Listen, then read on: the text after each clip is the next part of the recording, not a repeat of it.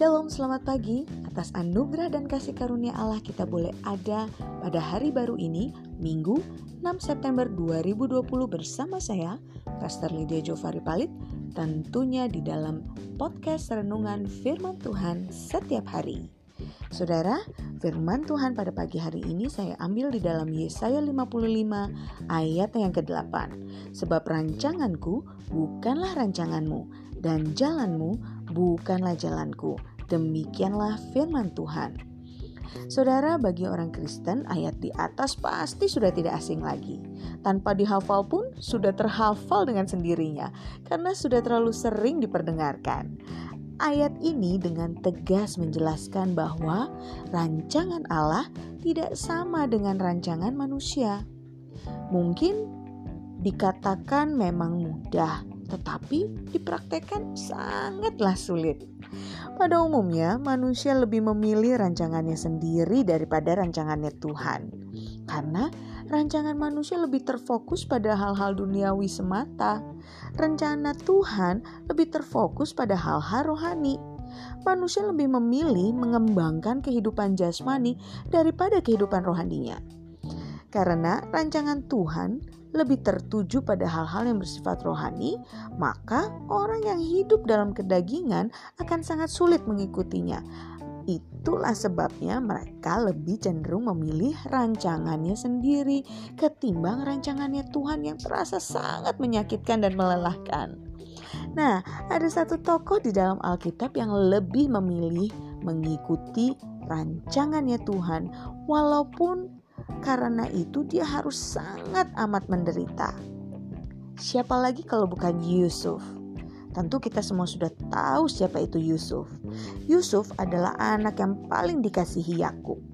Dalam kehidupan sehari-hari Yakub senantiasa memberikan yang terbaik kepada Yusuf.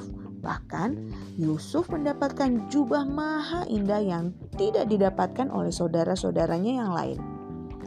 Tuhan mempunyai rencana yang besar untuk Yusuf, dan Yusuf tahu akan hal itu karena Tuhan menyatakannya melalui mimpi-mimpi.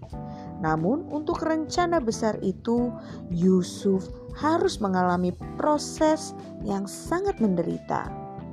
Dia harus meninggalkan zona nyaman dan turun ke dalam zona penderitaan. Pertama, ia dijual menjadi seorang budak. Setelah menjadi budak, Yusuf harus turun lagi kepada penderitaan yang lebih dalam, yaitu menjadi seorang tahanan. Ia ditahan karena suatu kesalahan yang tidak dia lakukannya. Namun, Yusuf tidak menyalahkan siapa-siapa. Ia tidak menyalahkan saudara-saudaranya, apalagi sampai menyalahkan Tuhan. Yusuf bisa berbuat begitu karena ia menyadari bahwa ia sedang berada dalam rencananya Tuhan, dan Tuhan sedang mempersiapkan dia untuk suatu rencana yang maha besar. Apalagi kalau bukan menyelamatkan keturunan bangsa Israel.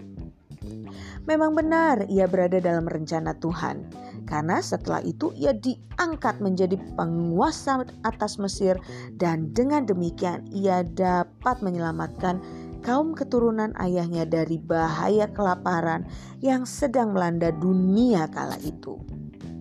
Yusuf menyadari sejak awal bahwa Tuhan memiliki rancangan besar dalam kehidupannya, dan ia memilih rancangan Tuhan itu.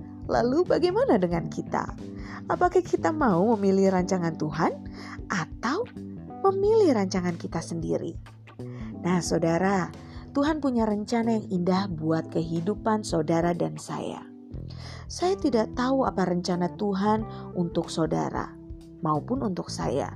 Namun, satu hal yang pasti bahwa rencana Tuhan tidak merancangkan rancangan kecelakaan, melainkan rancangan damai sejahtera, yaitu masa depan yang penuh dengan harapan. Mulailah hari ini dengan membaca dan merenungkan sabda firman Tuhan dan hiduplah dalam ketaatan serta sukacita Allah.